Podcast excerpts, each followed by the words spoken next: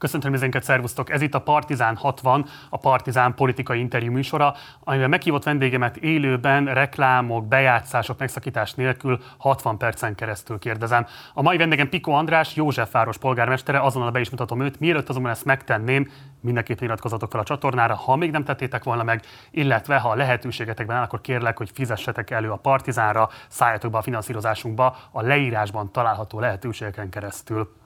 És akkor fordulok is a vendégemhez, és köszöntöm a stúdióban. Szervusz András, Szervusz, hogy elfogadtad a meghívást. Megtisztelő. Április 20-án a választások után publikáltál egy cikket a mércén, amelyben az eredmény hát, okait kutattad. Több izgalmas megállapítást is tettél. Szeretnék ebből idézni néhányat. Például írod azt, a tanulság tehát az, hogy a Fideszt nem lehet csak pártpolitikával legyőzni, ahhoz állandó társadalmi jelenlét, cselekvés és társadalmi program szükséges. Ez teljesen tiszta, mi az, ami miatt ez szerinted hiányzott a 2022 előtti időszakban? Tehát miért nem érett meg ez a felismerés, és miért nem lett ebből gyakorlat legkésőbb 19-től 22-ig? Őszintén szóval erre nem tudom a választ. Azt tudom, hogy magam is elcsodálkoztam, hogy az, akitől én nagyon sokat tanultam, meg akitől merítettem is a cikkhez, Kovács Imre, ő 2014 óta ezt mondja. Én az első interjút a Klubrádióban azt hiszem 2014 után készítettem vele, 2018 után is készítettem vele egy interjút. Nyilván, hogyha most újságíró lennék, akkor most is készítenék, te is készítettél.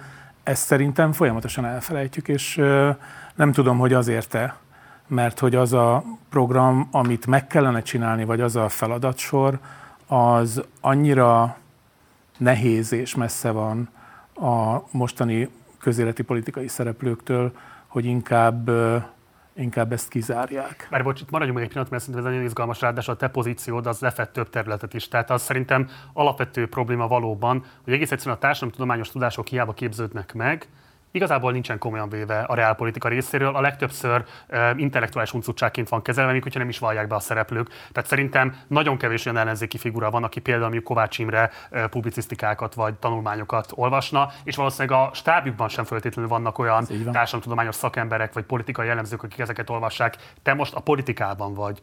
Miért nem képződnek meg ezek a hidak, a létező tudások és a politikai képviselet között? Ugye az, amit ebben az írásban írtam, az, egy, az annak a felismeréséből adódó következtetés, hogy nem egyszerűen egy politikai feladatot kell megoldani, hanem egy kiépült társadalmi rendszerrel szemben kell alternatívát nyújtani. Egy ilyen alternatíva felépítése az nagyon sok kommunikációt, együttműködést, szolidaritást és bizalomépítést jelentene. Az elmúlt 10-15 év szerintem a magyar ellenzéki oldalon ezzel ellentétes folyamat volt. Hogy csak egyet mondjak, pontosan látjuk, hogy még mindig mennyire, mennyire extrém dolog az, hogyha egy civil belép a, a pártpolitika területére. Nem tudom, hogy hány embernek sikerült rajtam kívül. Ez a fajta ellenérzés a politika és a civilek között szerintem kölcsönös, és addig, amíg ez megvan például, az biztosan nem fogja eredményezni azt, hogy olyan könnyen létrejöjjön egy olyan hálózat, amelyről én beszélek, és amely tulajdonképpen egy társadalmi ellenállási mozgalom lenne. Ezt reálisnak látod a negyedik két harmad idején? Tehát, hogy bármilyen módon, hogyha ez nem képződött meg az elmúlt 12 évben, hadd idézelek megint téged, azt mondod, Magyarországon a szakszervezetek, hivatásrendi szervezetek, civil szervezetek és segítők, az önkormányzatok, a kulturális és tudományos közösségek és a politikai szervezetek szövetsége jelenteti azt az alternatívát, amely képes felvenni a versenyt Orbán rendszerével. Szerintem ez teoretikusan megállja a helyét. Így van. Van ennek bármilyen reálpolitikai megalapozottsága, mondom még egyszer, a negyedik kétharmad idején? Volt-e bármilyen reálpolitikai megalapozottsága annak, hogy 2019. októberében Józsefvárosban le lehet győzni a Fideszt? Emlékszem egy beszélgetésünkre, amit ketten folytattunk a jelenben, és te azt mondtad, hogy ez egy, ez egy lehetetlen küldetés, és a végén mégis lehetett. Tehát én azt mondom, hogy a politikában nincsen lehetetlen. Szerintem az, ami most történik, az az, az igazság pillanata. Tehát, hogy nem lehet visszatérni ugyanazokhoz a formákhoz és ugyanazokhoz a gondolatokhoz, ugyanazokhoz a megoldásokhoz a negyedik kétharmad után. Azt látom, hogy most még ö, tart a feldolgozás, de előbb vagy utóbb ebből ki kell jönni, és akkor viszont nem lehet ugyanazt csinálni, szerintem. Az alternatív tekintetében kérek, hogy mondj egy olyan eklatáns példát az elmúlt három évben, amióta vezetted a kerületrészt, amit szerinted használhatott volna az ellenzék ebben a kampányban. Szerintem például az, ahogy az önkormányzatot működtetjük, az, ha nem is a konkrét formáját tekintve, de a dolog önmagán túlmutató értelmét tekintve szerintem kihagyhatatlan az ellenzéki politizálásból, ez pedig a részvételi, bevonó, nagyon testközeli politikai működés. Ezt azért tartom fontosnak, mert szerintem az emberek, ugye ez egy társadalomtudományos leírása is tulajdonképpen az emberek közélethez való viszonyához. Négyféleképpen viszonyulunk. Van, aki képes és akar közélettel foglalkozni, van, aki képes, de nem akar, van, aki nem képes, de akarna, és van, aki nem is képes és nem is akar. Egy olyan rendszernek, mint amilyen az Orbán rendszer, az az érdeke, hogy minél több legyen a negyedik kategóriából, a nem képes és nem akarból annak a rendszernek, amiről én beszélek, pedig az az értelme, hogy minél többen legyenek olyanok, akik képesek is és akarnak is. Józsefvárosban ez egy olyan feladat, amit az önkormányzat működésével is elő kell állítani, és sajnos az a helyzet, hogy az egész országban, hogyha például a Budapesten kívüli Magyarországon az ellenzék akar valamit keresni, akkor olyan politikát kell folytatni, ami képessé és akaróvá teszi azokat az állampolgárokat, akik ott élnek az ellenzéki politika iránt teljesen értenek a politikai igazságát, de mi is azt kérem tőled, hogy egy sokkal konkrétabb intézkedést mondj, ami megfogható, és nem pedig egy általános elfként jellemzi a működéseteket. De ugye úgy kérdeztél, hogy, az, hogy, a, hogy a kampányban használhatott volna. Olyat nem tudok mondani egy önkormányzat működéséből, amit kampányban lehetett volna használni. Igazából arról tudok beszélni, hogy melyek azok az elemek például az önkormányzat működésében, amely amely használható. Mondok egy példát, ez azért biztos, hogy jó, mert kampány példa. Az ellenzék egyik fontos mondása az antikorrupciós mondás volt. Tehát mindenkit felelősségre vonunk, nem maradt kőkövön, és a többi. Tehát, hogy nagyon, nagyon radikálisan fogunk utána menni a közpénzeknek. Tök jó, helyes. Én is ugyanezt mondtam 2019-ben, csak hozzátettem valamit, és le is írtam, hogy mit fogok csinálni. Azt tettem hozzá, hogy ez ennyi és ennyi pénz, ennyit fogunk megspórolni csak azzal, hogy a Fideszről lefejtjük a, vagy az önkormányzatról lefejtjük a fideszes pénzszívó polipot, és meg volt ígérve az embereknek, hogy ezt a pénzt rájuk fogjuk fordítani. Ebből csinálunk befogadó óvodát, ebből csinálunk lakásprogramot, és a többi. Szerintem önmagában az antikorrupció nekünk, neked, nekem nagyon-nagyon fontos. De azok, akik választanak, azok azt fogják kérdezni, hogy nekem miért jó ez? azon kívül, hogy nagyon nagy felfordulás lesz, és úgy is lopni fogtok. Nekem azért jó, mert azt a pénzt rám akarjátok fordítani. Oké, okay, mondjátok meg. Megmondta az ellenzék?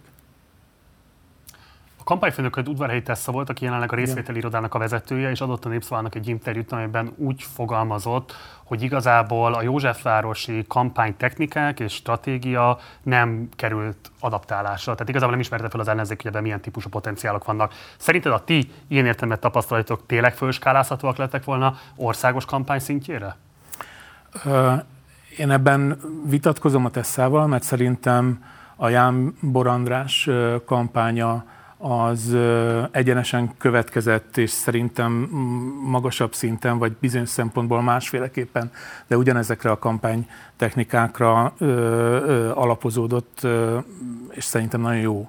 Nem is lehetett volna szerintem másképp nyerni Józsefvárosban. Józsefváros abból a szempontból nem adaptálható a fővároson kívüli Magyarországra, és ezt mindig így fogom mondani, mert szerintem ez a vidékezés, ez nagyon-nagyon-nagyon rossz most, amit, amit csinálnak nagyon sokan. Tehát a, ott azért nagyon nehéz megcsinálni, mert bár hiába vagyunk hasonló helyzetben és hasonló társadalmi problémákkal, Józsefváros mégis egy 80 ezres város, egy bezárt, jól körülhatárolható és elért távolságokkal. Azért, hogyha ugyanezt meg kell csinálnod, mondjuk egy Baranya megyei aprófalvas választókörzetben valószínűleg nem működne. Ott nagyon másféle kell csinálni. Akkor másképp kérdezem, amikor arról beszélsz, hogy a civil társadalom hogyan tudna a politizálásban érdemes szerepet vállalni, akkor ebben ez miben különbözik attól, amikor Márkizai Péter a civilek pártját említi meg, mint ilyen következő projektjét, amit majd valószínűleg be fog jelenteni augusztus végével?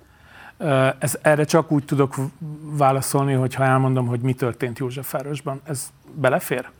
Szerintem abból lehet megérteni. Nem pártot csináltunk, hanem 2017-ben összeállt közélet, helyi közélet iránt érdeklődő jó néhány ember fölkaroltak egy csomó fontos ügyet, és a végén egy akkori jelöltet, egy időközi választáson, Bolba Márta evangélikus lelkészt elindították, és tanultak. Nem nyert a Márta, de rengeteg tapasztalat jött. Annak a kampánynak is a tessa volt. A... Ez eddig analóg egyébként a Márkizai Péter Így van. Majd utána az, az történt, hogy 2018-ban jött egy újabb választás, amikor amikor a, a Győri Péter kampányát csináltuk, majd utána jött az enyém. Szerintem az, a, az amit a Józsefvárosi példa mutat, az azt jelenti, hogy a civilek megtanulták a pártpolitikának, a professzionálisnak mondott politikának az összes szabályát is tudják alkalmazni, és le tudnak folytatni egy olyan kampányt, amely professzionálisabb mint a, mint a, a pártoké, és tudnak egy olyan önkormányzati vezetést csinálni, amely jóval másabb, mint, mint az, amit korábban Józsefvárosban a pártpolitika képes volt kiállítani. Azért azt ne felejtsük el, hogy egy 20 éves trendet törtünk meg. A 2019 győzelemces győzelem és a 2022-es Jámbor András győzelem előtt 2002-ben győzött a baloldal Józsefvárosban, és nem tudott kormányozni. Most pedig kétharmadunk van az önkormányzati testületben, és jobbnál jobb programokat csinálunk. Szerintem senki nem okosodott meg, tehát nem lettek jobbak a pártok, és a civilek se lettek attól, hogy a pártokkal együtt dolgoznak, sokkal hatékonyabbak és profibbak. Egyszerűen a két dolog összeadódott, mert Józsefvárosban összeadódhatott. És miért adódhatott össze? Azért, mert ez egy olyan körzet volt, amiről mindenki lemondott senki nem hitt abban, hogy itt lehet politikát csinálni. Ez világos, de bocsáss meg, akkor továbbra sem ért, hogy ez miért lenne analóg Márkizai Péter javaslatával. Mindenki lemondott szerintem az ellenzéki oldalon. Azért, mert... Hogy le- lehetséges egyébként választásokon legyőzni a nemzeti együttműködés rendszerét. Van egy vesztett választása, létrehoz majd most egy újabb pártot, mi nyilván küzdeni fog azért, hogy ez valamilyen módon váltópártja lehessen. Igen, de én nem, én nem pártot, tehát hogy mondjam, nem csináltunk pártot. Tehát, hogy lehet nem volt úgy ez is... Nem. Nem. Ö... Márkizaj Péter pártjának van keresni valója az ellenzéki térfélen? Nem. Bocsánat, de ez az én véleményem, én nagyon tisztelem a Márkizai Pétert, ismerem is, dolgoztunk is, néhányszor meg sokat beszélgettünk. Ez egy hiba akkor? Én azt gondolom, Politikai hogy... értelemben hiba? Még ezt sem mondom, hogy, hogy hiba, hanem van hat párt. Ebből ha mélyen magunkban nézünk, akkor, akkor, akkor nem tudjuk, hogy hány életképes igazából. Hányra satszolod az életképesek számát? Három, mondjuk. DK uh, Jobbik Momentum? Talán. Talán, és a többi is fontos, hogy van, mert nyilván van ott tapasztalat, és a többi, de nem tudjuk. Hát majd ki fog derülni a, az európai parlamenti választáson. Most, Most ide... Te is úgy tekintesz, mint egy lakmuszpapírra akkor? Mármint az európai parlamenti Igen. választásra. Igen, és azt szeretném, hogyha mindenki maga indulna, tehát hogy derüljön ki. Tehát azt gondolod, hogy az ellenzéknek ezt a helyzetet arra kell használni, a saját erőviszonyát fölvérje, aki pedig kihullarostán, az vonja le az ebből való következtetéseket? Azt gondolom, hogy igen. Tehát az ellenzék, az, amit én gondolok, az nem a pártok, pártalapítás fele menne, hanem a társadalmi szövetség kötés fele. Én nem látom azt, hogy a Péter pártjában ez ott lenne, lehet, hogy ott van a programban, de én nagyon-nagyon más gondolok arról is, hogy, hogy, hogy mit kellett volna másképp csinálni a, a Péternek. Nem ott gondolom a hibákat, ahol ő azt elvétette. Én szerintem onnantól kezdve, hogy valaki megnyeri a, az ellenzéki előválasztást, onnantól kezdve neki nincsen más feladata, mint hogy annak az Egyesült Ellenzéknek, amiről, amit hívhatunk úgy, hogy az ördöggel is összefogok ellenzék, annak ő a, a zászlója, a, az első embere, a megtestesítője. Most ehhez képest arról beszélni, hogy lesz-e hetedik frakció, meg hogy majd mi lesz utána, ez szerintem nem is közvetett, hanem közvetlen üzenet arról, hogy ö, nem bízok magamban, és nem arra készülök, hogy én itt egy országot fogok kormányozni, hanem megpróbálom bebiztosítani a politikai túlélésemet. Ö, én úgy lettem polgármester, hogy eladósodtam, és mindent föltettem egy lapra. Szerintem ezt másképp nem lehet csinálni. Hogy személyesen eladósodtál? Abszolút. Abszolút. Szóval, hogy, hogy van olyan pont, szerintem például egy polgármesterség, vagy egy, vagy egy miniszterelnökség, amikor, amikor az emberen messziről kell, hogy, hogy érezt, hogy, hogy az életét föltette erre. Megkérdezted, hogy most már tudtad eszanálni ezeket az adósságokat? Épp most. Épp most. Épp most, épp most fizettem ki az utolsót. Térjünk vissza a javaslatodhoz, mert szerintem azért ez akkor is egy fontos kérdés. Ugye egy nagyon komplex társadalmi alternatíva megképzésére teszel javaslatot, ami versenyképes lehet az Orbán rendszerrel szemben. Én ezt, hogy elméletileg ez lehet a megoldás, ezt teljesen osztom, de hogyha a gyakorlatot nézzük, akkor közben mégiscsak azt lehet látni, hogy mondjuk az a tanártársadalom, amelynek egy nagyon kicsi százaléka állt ki magáért, például polgári engedetlenségre vetemedve is akár, azokat Pintér Sándor nyíltan megfenyegette, és törvényszabályokat fognak hozni arra, hogy ilyen típusú eszközökkel ne élhessenek a továbbiakban. A szakszervezetek rémes állapotban vannak, ezt eddig is pontosan láttuk. Egy-két helyen lehet látni mondjuk olyan típusú érdemi, érdekvédelmi tevékenységet, ami inkább mondjuk az autóiparhoz vagy a nehéziparhoz kötődik, de nem lehet látni, hogy mondjuk például a humán ágazatokban meg tudna fogalmazódni bármilyen típusú érdekvédelmi követelés. Tehát, hogy ezt a politikai és társadalmi realitás figyelembe véve, te látod azt, hogy van olyan kapacitás, ami egy ilyen komplexitású projektet meg tud képezni Orbánékkal szemben? Azt nem látom, hogy ez egy ilyen ö, politikai szervezés, menedzsment által előállított nagy ö, folyamat ö, eredményeként mondjuk egy éven belül előálljon. Ö, én azt abban bízom, és ezt tanultam, és ezt, ezt hiszem is, hogy a társadalom működése szükségszerűen előhoz bizonyos megoldásokat.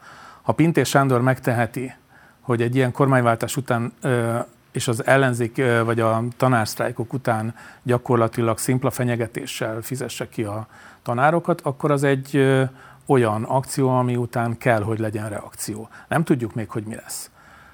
Ha a tanároknak ez benne van, akkor én, meg te, meg bárki más oda mehet, és mondhatja neki azt, hogy álljatok össze, és akkor a mérnökökkel mindenki mással együtt csináljuk meg nem fogják, mert nem ér, érett meg még rá a helyzet. Én csak egy valamit mondok, hogy erre kell készülni. Az Orbán rendszer úgy működik, hogy minden egyes döntésével érdeksérelmeket okoz, erre ráadásul rá is gyúr.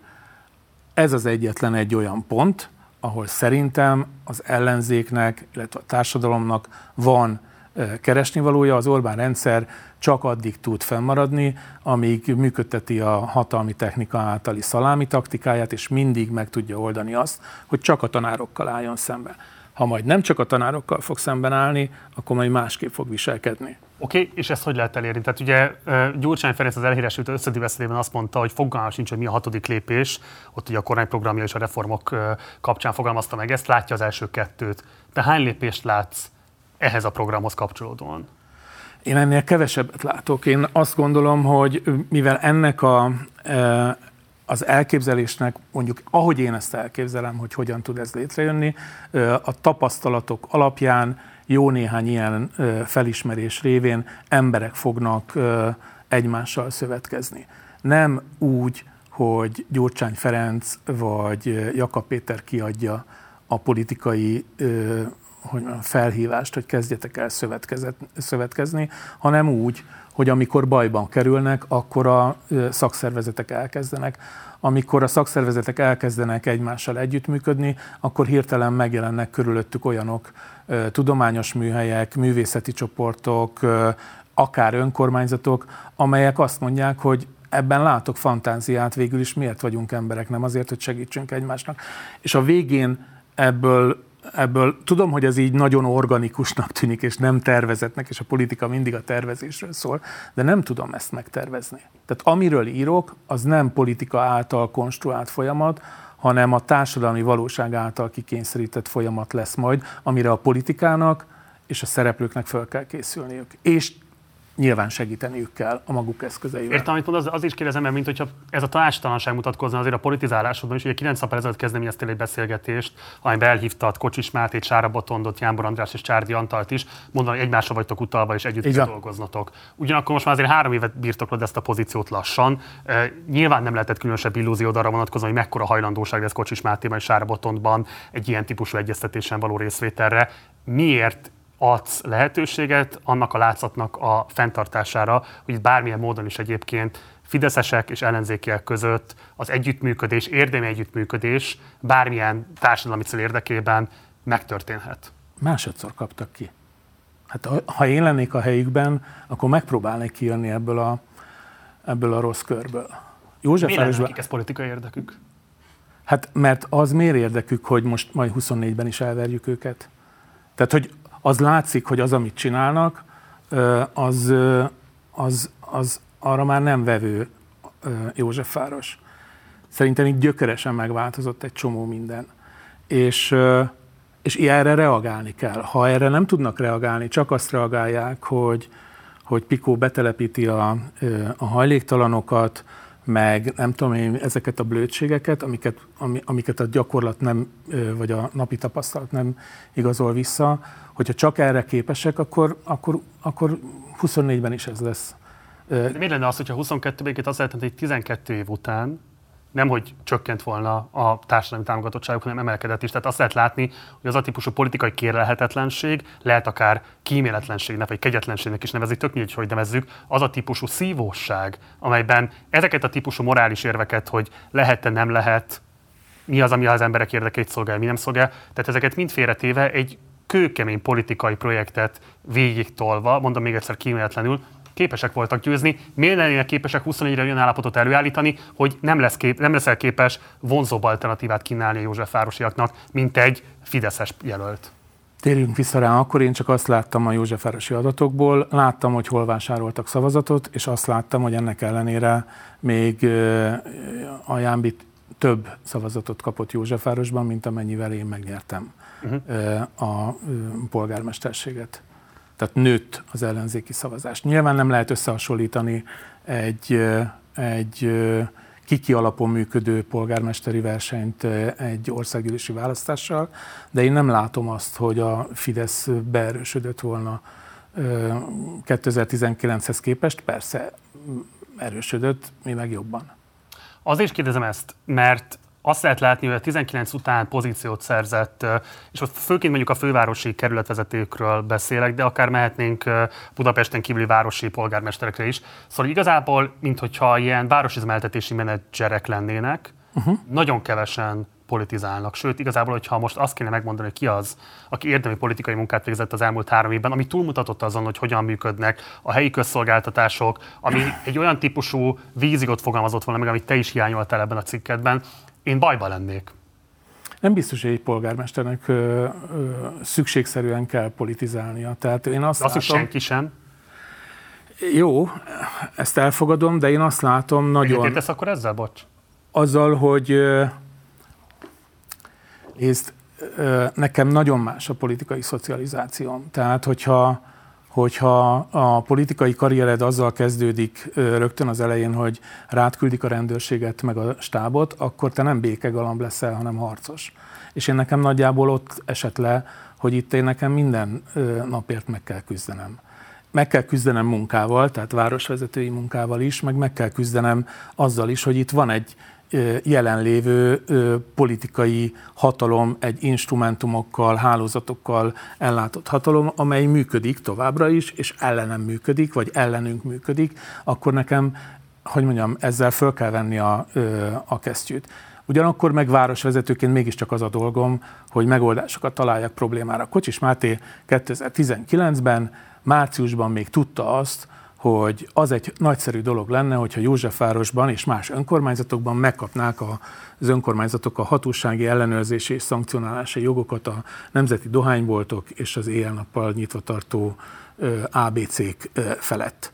Majd amikor győztünk, akkor ezt visszavonta. Most van két képviselőnk, be fogom, meg fogom őket kérni, hogy nyújtsák be Kocsis Máténak az eredeti javaslatát, és hogyha eljön Kocsis Máté, akkor meg fogom kérni két dologra. Az egyik, hogy magyarázza meg, hogy miért vonta vissza, a másik pedig, hogy legyen kedves, akkor álljon oda az egykori javaslata mellé. Felteszem, Ez... most már a szégyentelenségnek tartanak azon a fokon, hogy a szemedbe fogja mondani, hogy azért, mert ön vezeti a kerületet, és nem De a akkor pontosan, akkor pontosan tudni fogjuk, persze, jussunk Bocsánat, nem az, a, nem az igazán két vagy kétségbejtő, vagy pedig ilyen felvillanyozó és nem tudom én, felvilágosító vagy megvilágító erejű fölismerés, hogy ennek igazából nincsen társadalmi költség jelenleg Magyarországon. Tehát egy ilyen állítást ki lehet mondani, sőt, bizonyos szempontból még akár lehet imponálni is bizonyos szavazó rétegeknél. Egyetértek. Na de ez a politikai feladvány, akkor erre mi a válasz? Erre az a, az a válasz, hogy politizálj úgy, hogy a másik oldalon, amikor politizálsz, a tetteidnek, a döntéseidnek a következménye a másik oldalon okozon nagyobb politikai kockázatot. Uh-huh.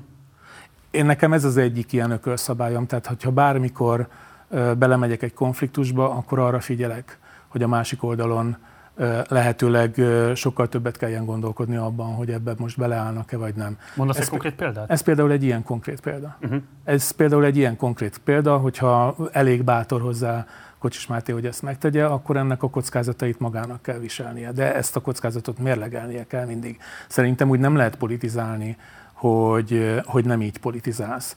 Tehát nem lehet úgy politizálni, mint amit nagyon sokszor érzek, hogy akkor a Fidesz valamit jól kitalált, akkor próbáljuk meg lemásolni. Hogyha ők pénzt osztanak, akkor majd osztunk mi is pénzt. Tehát ugyan már konkrétizálnak, akkor milyen típusú politika az, ami szerintem hiányzott, vagy amit nem értek, hogy miért nem sikerült megalkotni az ellenzéknek. Például 2019 óta semmilyen típusú média holding szervezése nem valósult meg, miközben mindenki elmondta azt, hogy mennyire fontos a sajtószabadság kérdése, a propaganda elleni harc, és így tovább. Ehhez képest mindenki saját médiumokat működtet, az más kérdés, hogy lehet, hogy adott esetben tisztességesen, az újságíró szakmai liberális sztenderdeknek megfelelő módon, de hogy az egy alapvető menedzsmenti kérdés lett volna kizárólagosan, hogy ezeket a különböző szerkesztőségeket és platformokat valami fajta egységes arculattal, egységes, nem tudom, szerkesztőséggel lehessen működtetni, legalább a kampányidőszakban. A Fidesznek ez a kisujjában volt 2006 után. Ez miért és mi akadt el 2019-et követően? Azért, mert szerintem ugye a feladvány az lett volna, hogy a meglévő önkormányzati felületeket kössük össze.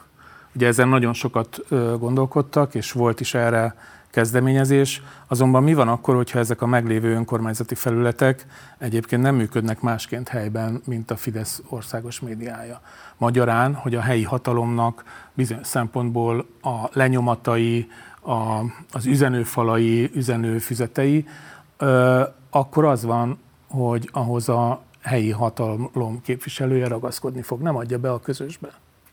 Tehát akkor András, most azt mondod, hogy a 19-ben megválasztott polgármesterek döntő többsége képmutató, és ugyanúgy működteti a saját médiumát, sajátot idézőjelbe teszem, a városi helyhatósági médiumot, mint amit kárhoztat a Fidesz országos működését. De ez nem azért van, mert hogy ők nem lennének jó demokraták, hanem azért van, mert rettenetesen frusztrálja őket az, hogy egy olyan országban kell élniük, ahol gyakorlatilag pofátlanul és elképesztő mértékben nyomul az állami propaganda. Minden kicsi nyilvánossághoz ragaszkodnunk kell, és meg kell, meg kell azt ragadni, és nem szabad kiengedni. Ez a rutin. Szerintem nagyon kevesen vannak olyanok, mint mondjuk a Józsefváros újság, ahol nincsen semmilyen sem formális, sem informális hatalma a kerületi polgármesternek és képviselőtestületnek a helyi média fölött. Ez ugye részben a Fidesz 2002-től hangoztatott narratívája. Mármint mi? Hát ők akkor ellenzékben ugye ugyanezt kárhoztatták az akkori szocialista, liberális többségű önkormányzatokkal szemben. Hogy túl független a sajtójuk, vagy az, hogy, az, hogy a őket szolgálja? A kisebbségben vannak, és a propagandával, amit akkor ők annak tételeztek, kell megküzdeniük, és ezért van szükség direkt politikai irányítás. Nézd, én azt gondolom, hogy, hogy hogy most itt Józsefvárosban az egyik ilyen eh, nagy kísérletünk az az, hogy rájöjjünk arra, hogy hogyan lehet csinálni helyi viszonyok között helyi közszolgálati médiumot. A Józsefváros újság minden hibája ellenére például ebben szerintem jól halad, Néha van olyan, hogy még a polgármester sem kérdezik meg, de akkor a polgármester nem ö, dől a kardjába, és nem rúgja ki a főszerkesztőt, hanem egy nagyon kedves olvasói levélben megírja a véleményét, amit nagyon kedvesen le is hoz a sajtó. De mint ahogy a normális világban szokott történni ilyen esetekben, ez a, ez a menet szerintem így kell működni. Hogyha ilyen lapok lennének mindenütt, és az ellenzék ebből a szempontból magabiztosabb lenne, és hinné azt, hogy nekünk nem kell foggal körömmel ragaszkodni minden egyes kicsi-pici, még hozzánk közel álló nyilvánosság szelethez, akkor valószínűleg meg lehetett volna csinálni egy ilyet. Egy olyan helyzetben, amikor ma, ezek a lapok mindig helyben nagyon-nagyon fontosak, nem fog működni az, hogy összepakoljuk őket. De várj, bocs, ha elfogadjuk azt, mondjuk ez az értékítélet, vagy a politikai analízis annak, hogy hogy működnek ezek a médiumok, Ugye az a típusú szélsőségesen valóság alapot nélkülöző uszító propaganda, ami a Fidesznek a sajátja, hogy azzal szemben egy olyan propaganda, ami elkötelezett az ellenzék irányába, de közben a valóságot nem tagadja, miért ne lehetett volna ebben valamifajta konszenzus kialakítani, vagy akár csak annyit, hogy legyen mondjuk egyetlen egy közös oldal, amit közösen állítotok elő, tehát hogy valamilyen módon az egységesültség, valamilyen módon az ellenzéki összefogás képét azt ezeken a felületeken is bemutassátok. Ez miért maradt el? Nem tudom, nem tudom. Őszintén nem tudom. Én voltam legalább két vagy három ilyen, ö,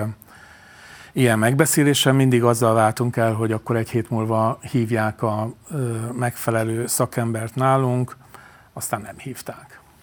De ki nem hívta, tehát azért szerintem most már nyugodtan mondhatunk konkrét neveket. Volt-e ez, ez dedikált ember, akinek a felelősség, és ilyen szempontból tisztességesen tájékoztatni az ellenzéki nyilvánosságot, meg a politizáló nyilvánosságot, hogy itt vannak következménye annak, hogy mulasztások történtek. Szabadvárosok szövetségénél ez mindig téma volt, téma volt a fővárosban is, nem tudom, hogy kinek kellett volna megcsinálni, tehát hogy odáig nem mentem el, hogy, hogy tudjam, hogy ki ennek a felelőse. Lehet, hogy az a baj, és az a felelős, aki nem jelölte ki a felelőst, vagy, vagy nem tudom, hogy ki volt a felelős. Nyilván ha nagyon érdekel, akkor utána tudsz járni, de én ebben nem tudok neked most hát, hogyha már említetted a Szabadvárosok Szövetségét, ugye ez egy, a honlapja az 2020. decemberében frissült utoljára, a Facebook oldala egy éve. Ez egy 19-ben sokat hangoztatott kezdeményezés volt. Ugye racionálisnak is tűnt, hogyha nem is feltétlenül egy nagyon mély és integrált együttműködés, de hogy valamilyen típusú együttműködés ezek között a városok között alakuljon ki, vagy ezek között az ellenzéki vezetésű helyhatóságok között alakuljon ki. Ez se tematizálta senki az ellenzéki oldalon, hogy miért akadt el egy ilyen típusú politikai építkezés?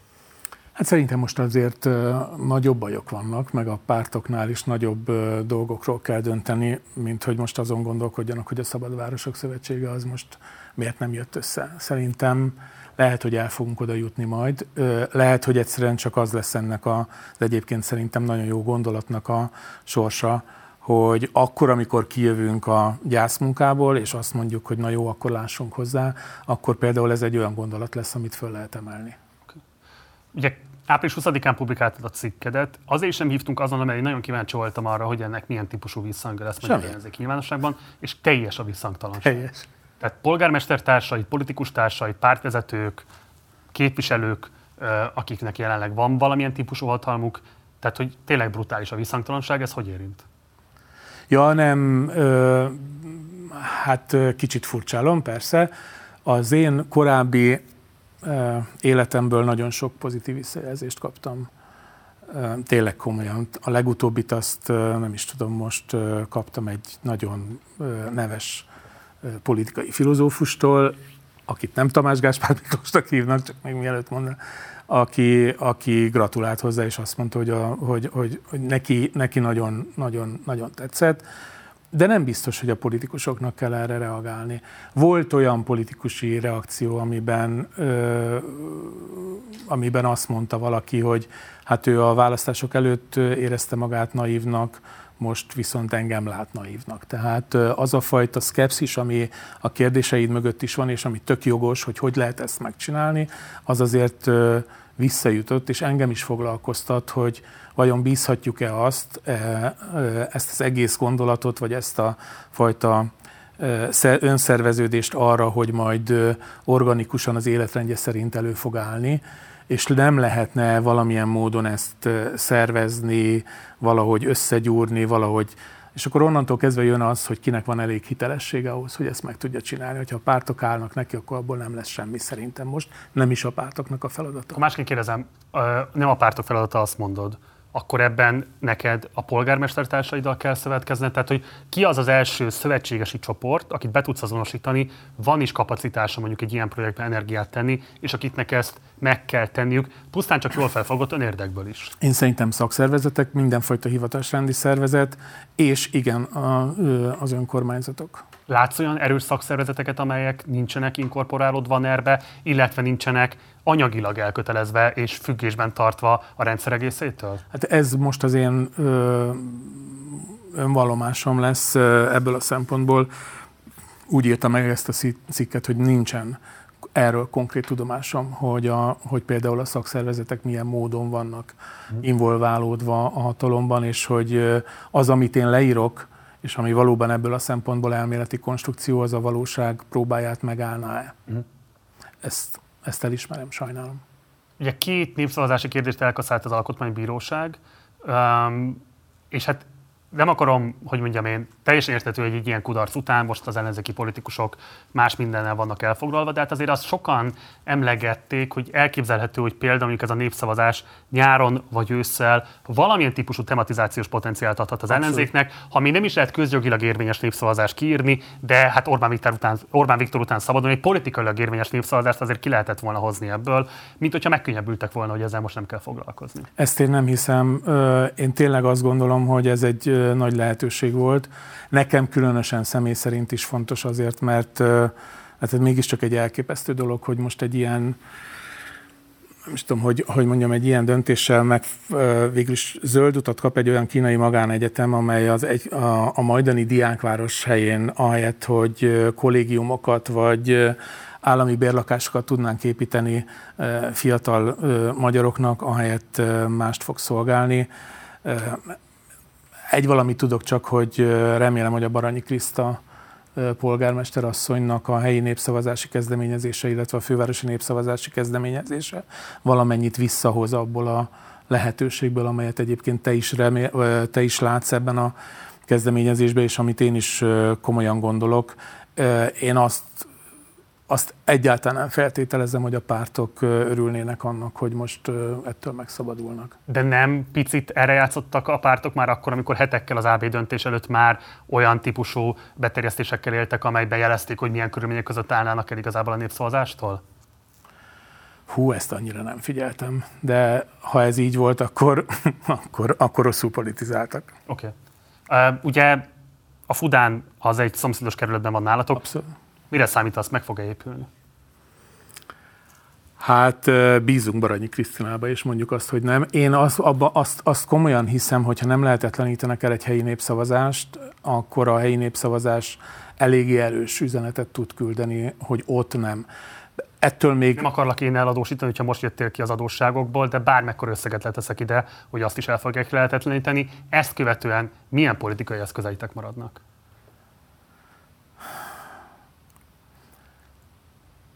Mindenfajta ö, tiltakozás, és végig gondolni azt, hogy annak a tiltakozásnak a formája olyan legyen, ha lehet még, ami a másik oldalnak, ö, amely a másik oldalra teszi a kockázatot, a politikai kockázatot. De azt gondolod, hogy az ellenzéknek emellett ki kell tartani? Tehát nem érdemes fölülvizsgálni a Fudannal kapcsolatos álláspontot? Ö, szerinted ez egy olyan ügy, amiben érdemes beletetni jelentős erőforrásokat? Az, hogy ö, magyar, vidéki magyar Budapesten kívüli magyar ö, ö, diákok számára olcsó lakhatást biztosítsunk a fővárosban, ez szerintem egy ö, versenyképes gondolat azzal, hogy kínai elit egyetemet csináljunk iszonyatosan gazdag ösztöndíjakkal ellátott kivételezetteknek. Az már a, az már a nagyszerű politikai kommunikációs szakembereknek a dolga, hogy ebből, ebből egy jó üzenetcsomagot tudjanak csinálni. És hogyha a Fidesz ezt inkorporálja, tehát adott esetben ugye volt is rá javaslat, hogy egy részét a diákvárosnak megvalósítanák a Fudán campuson belül, akkor ez szerinted lehet egy tárgyalási alap a hatalommal? Nem. Nem, én nem. Tehát, hogy mondjam, ö, én azt látom, hogy akkor, amikor, amikor első ránézésre, vagy első pillantásra beállunk abba, hogy valamit mentsünk meg valamiből, akkor mindig veszítünk. A Fidesz nem tartja meg a szavát általában. Miért tartaná meg? Okay. Nézzük meg, mi történik a, a Városligettel. Még, még, még. Ennyi nem elég, ugye ezt mondja Orbán Viktor. Pedig pontosan tudja, hogy a főváros egy jelentős része nem akarja ezeket az építkezéseket el fogja tűrni, persze, oké. Okay. Azért, mert most abban a helyzetben vannak. De ehhez a helyzethez el kellett jutnia, és eljutott. Ugye a két népszavazási kezdeményezést Karácsony Gergely adta be, úgyhogy adja magát a kérdés, hogy milyen most a viszonyatok a fővárosi vezetéssel? Bonyolult. Menjünk rajta végül akkor. Mitől bonyolult? Attól bonyolult, hogy, hogy én úgy nyertem, hogy azt gondoltam, hogy az én hozzám legközelebb álló másik győztes az Karácsony Gergely. Ott ültünk a, a Partizán stúdiójában, még a nem tudom, hanyadikkal ezelőtt a választás éjszakáján, és eljött oda, és olyasmikről beszéltünk, ami mindkettőnknek fontos. Egy szolidáris város, lakhatási válságból hogyan fogjuk kihozni ezt a várost, nagyon komoly szociál, szociális ígéretekkel egy, egy érzékeny segítővárost fogunk csinálni. És nem mondom, hogy ez nem nincsen meg a Gergőben, inkább azt mondom, hogy van egy habitusbeli különbség, ez az, hogy a Gergő inkább a kompromisszumoknak a robotosa. művésze, művésze Ugye, vagy robotosa. Azt, a kompromisszumok robotosa. Így van. Én meg ugye, amint mondtam, én meg nem tudok az lenni, tehát én nekem az nem adatot Bocs, meg. Ha valaki művésze a kompromisszumoknak, az miért lenne egyébként kártékony politikai? Nem, tök, tök rendben van, csak azt gondolom, hogy mint ahogy nálam fölvethető az, hogy miért ugrok mindenre, és miért vagyok ennyire balhés, a Gergőnél is fölvethető az, hogy vajon minden gesztusa az ülte és kellette. Vajon kellette Tarlós Istvánnak díszpolgárság? Abban például egyáltalán nem értettünk. Vajon, vajon éppen akkor kellette kiállni a Tiborcadó mögül, vagy elejteni, vagy, vagy nagyon gyorsan megkötni, a, megkötni az egyességet a, stadionstop után. Tehát azt látom, hogy a... Ezek, ger... ezek nem szimbolikus kérdések? Van ezeknek érdemi politikai jelentőségük? Igen, egy, egy politikusról üzennek, hogy, hogy milyen. Szerintem, szerintem a Gergő, de ezen mi vitatkozhatunk, és vitatkoztunk is, lehet, hogy neki van igaza. Amiben látom a, a, a teljesítményt, az jó néhány olyan dolog, például a, a fővárosi cégeknek az összevonása egy nagy ö, dolog volt. Én még nem látom a napi gyakorlatban azt, hogy ettől jobban működne a főváros, de azt tudom, hogy több milliárd forintot megsporoltak ezzel. Szerintem a, ö, a járványkezelése a fővárosnak messze sokkal jobb volt, mint a, mint a, a kormánynak, és Karácsony Gergely akkor, akkor igazi vezetője volt ennek a közgyűlésnek és még fel tudnék sorolni egy csomó minden mást, Budapest útól kezdve biciklisávig, és a többi. Te támogattad az ő miniszterelnök jelölt indulását? Te azt jó ötletnek tartottad? Nem. Nem, és éppen ez a bajom. Szerintem... Meg is mondtad neki? Azt, azt nem emlékszem, mert adottságnak vettem. Én azt gondolom, hogy ha valaki miniszterelnök jelölt akar lenni, akkor szükségszerűen fel kell áldoznia hozzá a fő, főpolgármesterségét. Karácsony Gergely nek azért, mert miniszterelnök akart lenni. Hát, hogy ez is negociábilis, mert ő maga később aztán ezt módosította? Vagy nem, szerintem azt, azt, a, abban az ügyben szerintem higgyük el azt, hogy mint minden politikus, ő amit szeretett volna, szerette volna elérni. Mit csinál egy miniszterelnök jelölt? Két dolgot biztos nem. Nem vállal éles helyzetekben konfliktusokat, csak annyit, amennyi nagyon-nagyon muszáj, és nem megy szembe a majdani támogatóival, és nem vállal velük szemben konfliktusokat. Miközben a politika alaptörvénye az, hogy a ciklusodnak az első két évében kell meghoznod az összes konfliktusos és nehéz döntést. A Gergő miniszterelnök akart lenni, ezért ő például erről beszéltünk is, ő középre pozícionálta magát. Középről nem lehet harcolni, és nem lehet kompromisszum, nem lehet, nem lehet konfliktusokat vállalni. Vannak olyan ügyek, amelyekről nem beszéltünk, vagy, vagy amelyek így ellettek, ellettek tolva a választások utára. Én azt gondolom, hogy ezzel a Gergő megvesztett, és nagyon remélem, hogy mivel ez a történet véget ért, akkor most elkezdődik egy másik. Melyiket tartod hogy a politikai hibának? Azt, hogy elindult, vagy azt, hogy visszalépett? Nem, ez nem jó kifejezés, hogy politikai hiba, ez egy egyéni döntés.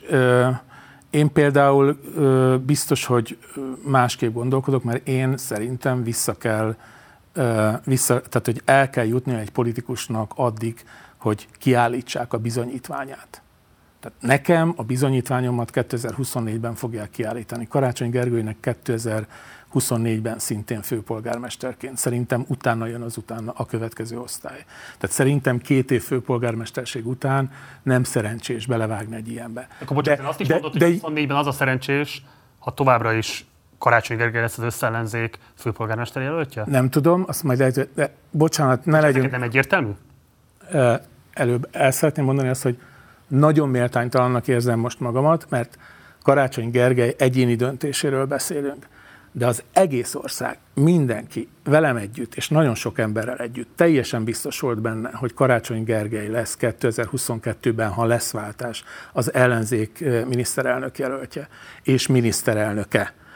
Ne tegyünk úgy, mintha Karácsony Gergely egyéni döntésén múlt volna, és ne szólt volna a fél ország arról, hogy Gergő csináld. Tényleg ez volt. Gergő csinált, ő pedig csinálta. Ennek az az ára, hogy az első két éve az olyan lett, amilyen. Abban nagyon-nagyon sok eredmény van. Az én ízlésem szerint, de lehet, hogy ez nem igazán ö, mérvadó, az én ízlésem szerint ö, ö, ö, nem hozott meg, vagy nem, nem vállalt be olyan konfliktusokat, amiket be kellett volna. Az eddigi eredmény alapján te támogatnád az újraindulását? Mindenféleképpen mindenféleképpen Akkor támogatnám. de... ellenzék, hogyha beáll egységesen mögé, vagy ha van előválasztás a főpolgármester személyét illetve? Mindenféleképpen legyen előválasztás. Legyen előválasztás a főpolgármester? Legyen előválasztás. Hogyha jönnek új ö, éhes farkasok, akkor meg kell, meg kell küzdenie vele, és nyilván, ö, vagy velük, és nyilván ö, hát a, hogy mondjam, akkor dől el majd, hogy egyébként a, a teljesítményét hogyan értékelik. Kerületi szinten is kellene előválasztás a polgármesterek személyét illetően?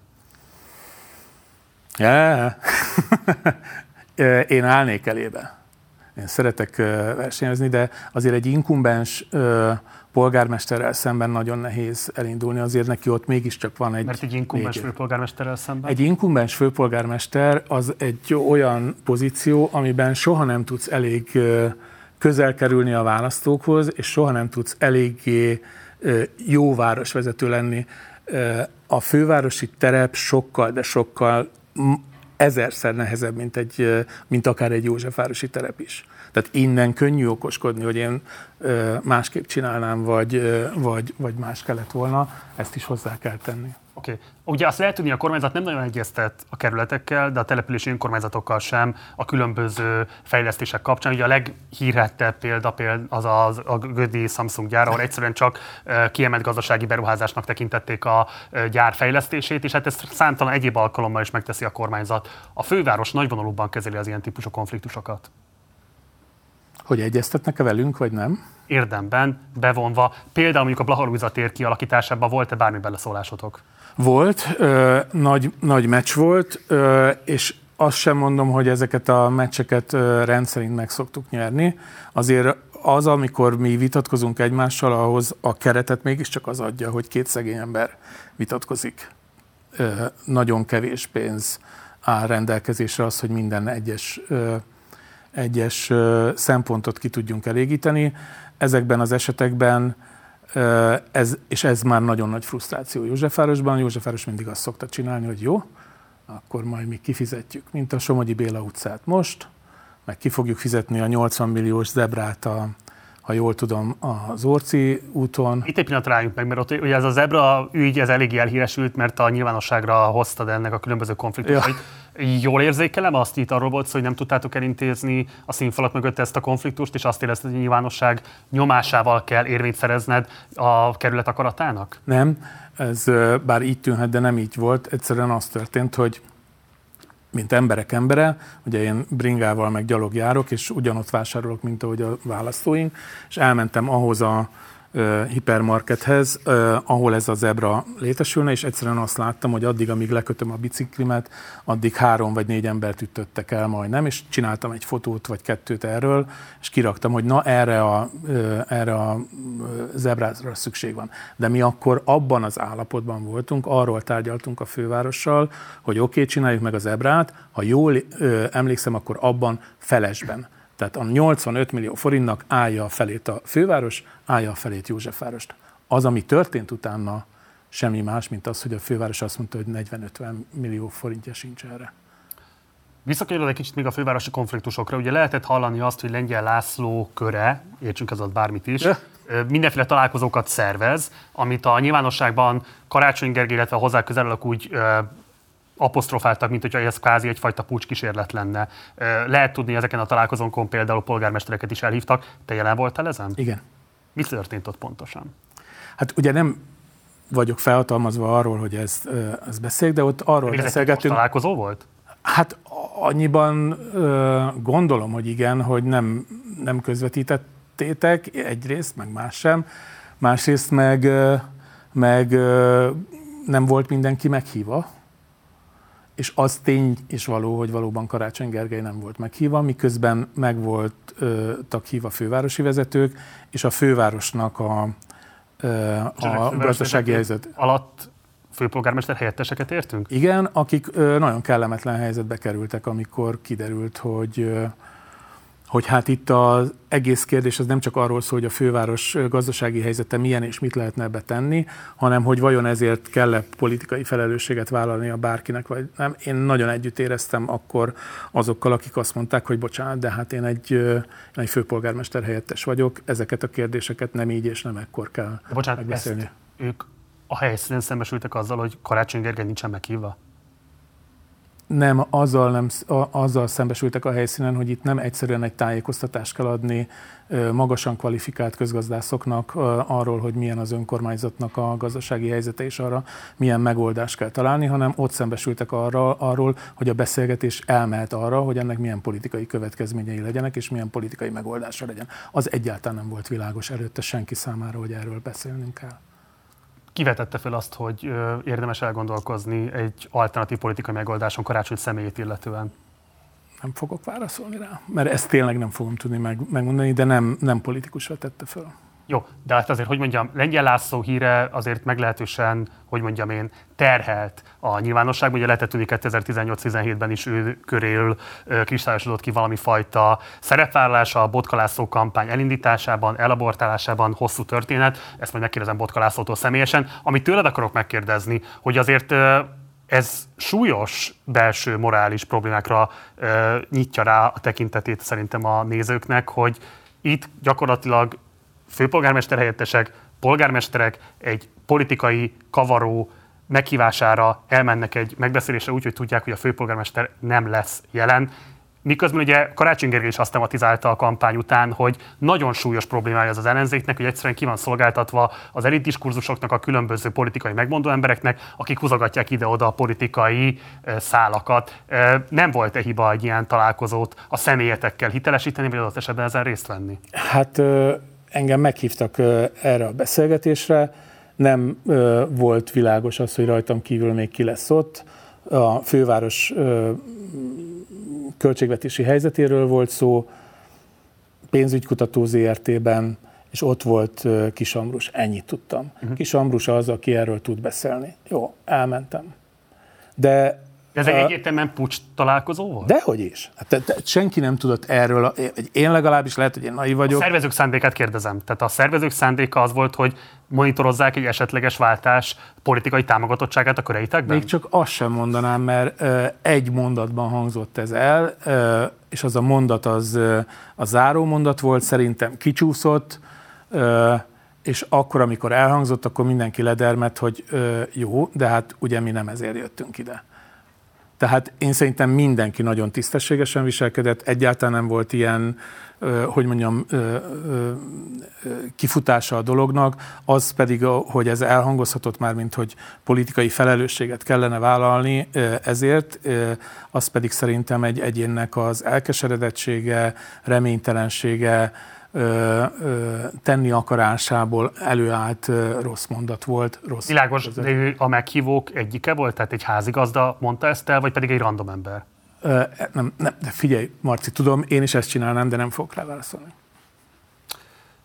Jó, de azt ki lehet jelenteni, hogy elindult egyfajta főpolgármesteri kaszting, ha nem is csak ezen a találkozón, de hogy általánosságban zajlik egy ilyen típusú megkérdőjelezése Karácsony Gergely vezetői alkalmasságának? Egyáltalán nem. Én azt látom, hogy, hogy Karácsony Gergely vezetői alkalmassága most mindenki jól felfogott érte, érdekében biztosan nem is kerül napirendre. Gergő ennek a városnak a főpolgármestere, lehet kritizálni én is most ezt tettem a tetteit, a döntéseit, de senki, tehát tényleg nem látok senkit, aki ezt a feladatot most el tudná látni, aki össze tudná tartani azt a sokpárti koalíciót, amely a fővárosban a többséget biztosítja. Bocsánat, én nem is azt kérdeztem, nincsen hogy neked van-e ilyen castingolói szerepköröd vagy szerepfelfogásod. Én csak azt kérdezem, hogy azok a pártok, amelyek most nyilvánvalóan részben egymással is konfliktusban állnak, részben azt is lehetett látni, hogy a választások miatt eltérő felelősséget vállalnak, nem kaptak-e étvágyra a főpolgármesteri posztot, illetően még 24 előtt. Nem, Karácsony Gergely a legnagyobb hogy mondjam, legitimitás, legitimi, legitimitással rendelkező közvetlenül választott vezető nincs az Isten, hogy, hogy őt le lehetne mondatni, vagy, vagy le lehetne váltani.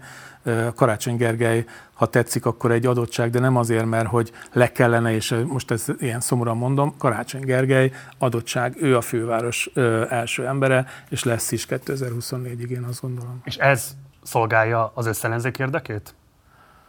Igen. Igen, azt gondolom, hogy igen, minden más opció ennél sokkal rosszabb. Oké. Okay. Most vasárnap tisztítás lesz a Momentumban, és neked eléggé furcsa viszonyod van, ezt ilyen leíró jelleggel mondom, nem minősítőleg a Momentumban. Ugye egyrészt lehet tudni azt egy mozgóvilágos interjúd alapján, hogy Donát Anna volt az, aki igazából fölkarolta a te polgármesteri indulásodat. Donát Anna ugye most nem fog indulni újra a, a, a, az elnökségért, de közben, tehát kvázi momentumos kvótán kaptad meg a jelöltséget, de a C8 volt az, ami igazából indított téged, és ami a kampányban lényegi erőforrásokat tette abba, hogy téged megválasszanak. Közben lehet tudni a közgyűlésben rád momentumosként tekinteni, de igazából nem vagy hivatalosan tagja a pártnak. Szóval, hogy azért ebből a viszonyból felvetődik a kérdés, hogy követed-e a tisztítás folyamatait, érdekel-e egyáltalán, van-e bármilyen típusú preferenciád, támogatsz-e például bárkit? Nem. Ö, nem is követek és nem is támogatok azért, mert a, a viszonyom a Momentumhoz jóval alacsonyabb szinten van meghatározva, ugyanakkor pedig érzelmileg jóval erősebb. Ezt megpróbálom kifejteni. A helyi Momentumosokkal való viszonyom az, hogy mondjam, az ideálishoz közelít. Nagyon-nagyon sokat támaszkodom rájuk. Tényleg egy olyan csapat van, akivel jó és rossz értelemben is egy húron pendülünk, és ez, és ez nagyon-nagyon jó, ez egy nagy háttér. De ez valószínűleg független attól, hogy ők momentumosak-e, nyilván abból a szempontból nem, hogy ehhez a párthoz állok a legközelebb. Viszont én azt a személyes vállalást tettem, hogy mivel engem egy hatpárti, vagy nem tudom akkor hány párti, de sok párti koalíció juttatott hozzá ahhoz, hogy Józsefváros polgármestere legyek, addig, amíg ez a szövetség így ebben a formájában működik, addig én egy valamit tudok csinálni, hogy abban a fővárosi szövetségben, amelyik az ottani többséget meghatározza, részt veszek. Nem tudok más frakcióba részt venni, mint a Momentum frakciójában. Számomra az az út, amit a Baranyi Kriszta választott, hogy ő kint marad és kívülről támogatja, az azért nem járható, mert én mégiscsak félig Momentumos jelölt voltam. A Momentumnak jár az, hogy egy ilyen polgármester az bennüljön a frakcióban. Nekem viszont az jár, hogy teljes szabadságom van. Tehát én rám nem vonatkozik a frakció fegyelem, próbálom tartani, viszont abban abban, abban nagyon következetes vagyok, hogy mivel nem vagyok tag és nem vállalok felelősséget a pártnak a döntéseiért, ezért nem is szólok bele, meg nem is akarok bele De ha Donát Anna indult volna, lehet, hogy őt támogattad volna adott esetben? Másképp kérdezem, hibának tartott, hogy ő nem indul újra az elnöki posztért? Hát van egy helyzet, ami, amiben ő hozott egy döntést. Én a Donát Anna mondataival, illetve azzal a vízióval, amit ő elképzelt, illetve amiről beszélt, a Momentum számára én azt, én azt egy nagyon vonzó és nagyon helyes víziónak gondolom.